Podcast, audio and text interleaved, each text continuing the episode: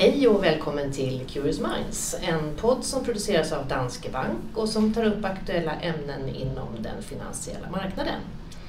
Vi är mitt inne i en brinnande rapportperiod och jag sitter här med Oskar Stjärngren som är analytiker på Danske Bank. Hej Anna! Hej och välkommen Oskar! Tack!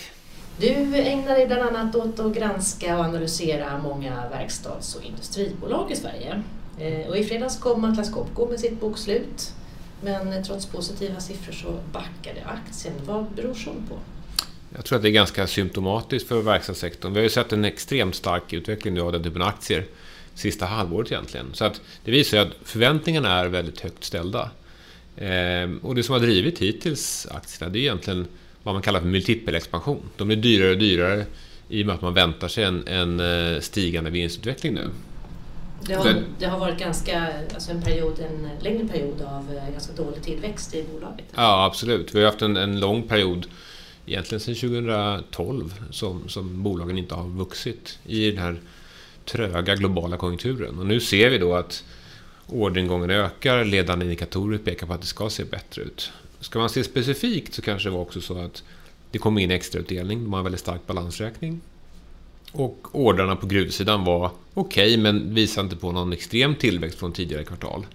Ehm, men som sagt, överlag tycker jag att rapporten bekräftar det man vill se. Mm. Att konjunkturen ser bättre ut. Kompressorordrar, som är en bredare indikator på, på efterfrågan i industrin, såg bra ut. Och de var mer positiva i sina utsikter. Mm.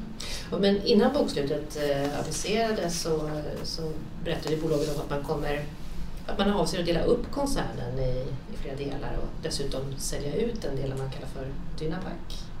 Eh, på vilket sätt gynnar det bolaget och vilka eventuella följdeffekter kan det få? Mm. Dynapac-försäljningen är en liten del. Det är egentligen väg, vägmaskiner som man inte lyckats få lönsamhet i. Eh, det som är stort är att man delar bolaget i två delar. Där man har det gamla Atlas Copco som är industrisidan. Som är ena, det som kommer bestå. Och så delar man ut då gruv och eh, byggexponering mot, vad ska man kalla civil engineering som det kallas, alltså väg, vägbyggen, tunnlar etc. Eh, och vad händer då? Jag tror så här att ledningen och bolagets ägare har varit lite frustrerade över att gruvsidan är mycket mer cyklisk och fallet vi haft i gruvinvesteringar de sista fem åren har sänkt värderingen på resten av bolaget. Så det vill man nog komma ifrån långsiktigt. Men sen tror jag också att Generellt sett så är det så att ju mindre bolagen är, desto mer fokus blir det på tillväxt. Är det en trend som du ser, att man kanske kan, att andra bolag följer efter?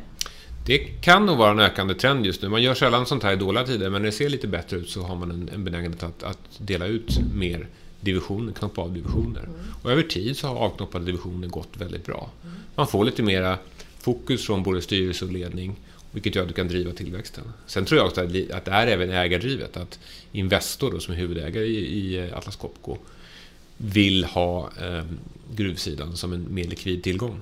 För att kanske kunna sälja den i framtiden. Mm.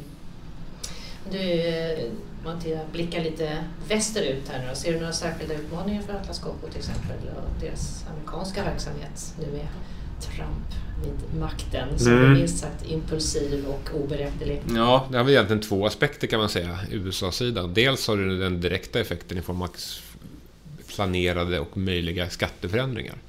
Där man kommer gynna bolag som har inhemsk produktion. Och det kan vara lite negativt för Atlas Copco att du importerar mer komponenter. Eh, till skillnad från vissa konkurrenter. Då. Mm. Ska man se det i ett globalt perspektiv så är det klart så att USA är ju den tillväxtmotor som kan dra igång världen. Eh, och nu pekar ju allting på att man, vill stimulera ekonomin kraftigt. Och det driver på då dels efterfrågan i USA på industrisidan. Där Atlas Copco har en väldigt fin exponering. Och sen globalt sett så har det drivit på, hittills i alla fall, efterfrågan och priser på metaller. Eh, och det driver gruvnäringen i Atlas. Så att ur ett globalt perspektiv så är det ju positivt att man drar igång tillväxten och har lite mer investeringsdriven tillväxt. Mm. Du, eh, Mats Ramström tar ju snart över som VD efter koncernchefen eh, Ronny Letten. Just det. Så han har suttit sedan 2009. Mm. Eh, vilken betydelse har han haft för Atlas Copco?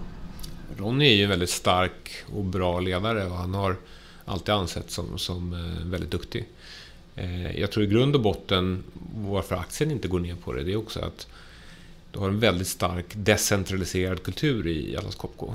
Eh, man brukar ju prata om, tidigare så var det kanske ABB-skolan och nu senaste åren så har det blivit mer Atlas Copco-skolan. Det är en plantskola för chefer i näringslivet och hur man styr bolagen. Så det är fler och fler bolag som går åt det hållet. Att man ska trycka ner resultatansvar så långt ner som möjligt för att få en entreprenöriell anda och alla människor ska äga sin egen kostnad. Och intäkt förstås. För att kunna, kunna kontrollera. Så gå bort ifrån centralisering och egentligen allokering av kostnader. Och därför är det ett långt svar, men därför tror jag att ja, Ronny har varit viktig, men det finns en inneboende struktur i Atlas som är mycket starkare än en person. Eh, och Mats Ramström tror jag kommer vara en bra förvaltare av, av arvet och har gjort ett väldigt bra jobb hittills i sina divisioner. Intressant. Och du, I veckan här nu så är det dags för andra verkstads och industribolag att presentera sina bokslut. Är det några eller något bolag som är extra intressant och som man bör hålla ett på?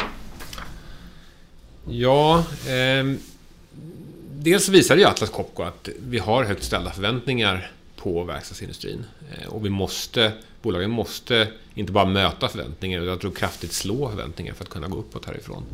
Eh, vi har ett par stycken som kommer som är intressanta. Imorgon kommer Alfa Laval. Mm. Och det är väl ett bolag som har gått lite... Senaste tiden gått bättre men tittar man något år tillbaka så har gått sämre beroende på att de har mer sencyklisk exponering, mycket mer mot skeppsnäringen, rederinäringen, olja och gas som, som har varit svagt.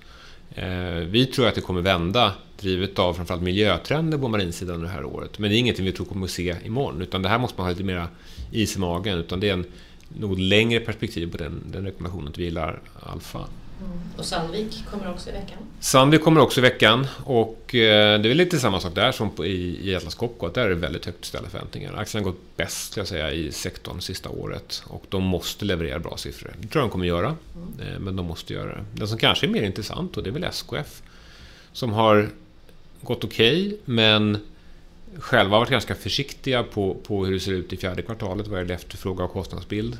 Och där jag tror att när vi går in i första halvåret i år så med en konjunkturåterhämtning så får du inte bara volymstödet utan också mix. Därför att de är exponerade mot tunga industrier, har mycket tunga lager som är de lönsammaste. De tror jag kommer tillbaks volymmässigt och då får du en bättre lönsamhet. Eh, plus att amerikanska distributörer har varit eh, det har varit svag efterfrågan från amerikanska distributörer. Och om konjunkturen vänder som det ser ut i USA nu, då brukar distributörerna typiskt sett köpa på sig lite extra lager, eh, varulager, mm. för att eh, kunna förse kunderna när efterfrågan stiger. Och det är en av de mest lönsamma delarna. Så där tror jag också att vi får inte bara volymåterhämtning utan även mixen. Och det kan överraska marknaden. Det ska bli intressant att följa här i måndag och se vad som händer när fredagen kommer. Ja, det blir en intensiv rapportvecka den här veckan. Tack Oskar för att du kom. Tack så mycket. Tack.